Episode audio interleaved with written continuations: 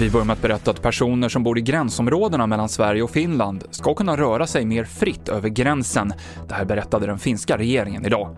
Ett av områdena är Haparanda-Tornio och Haparandas kommunalråd Sven Thornberg säger att dagens besked är väldigt välkommet.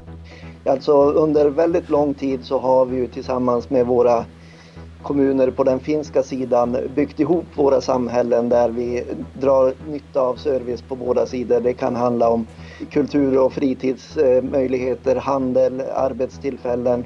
Till det så kommer ju vårt vanliga sociala liv där familjerna bor på båda sidor av gränser. Vi har vänner och bekanta. Det är mycket trängsel på krogarna i Göteborg, framförallt sent på kvällen. Det här skriver Länsstyrelsen i Västra Götaland i en lägesrapport till regeringen.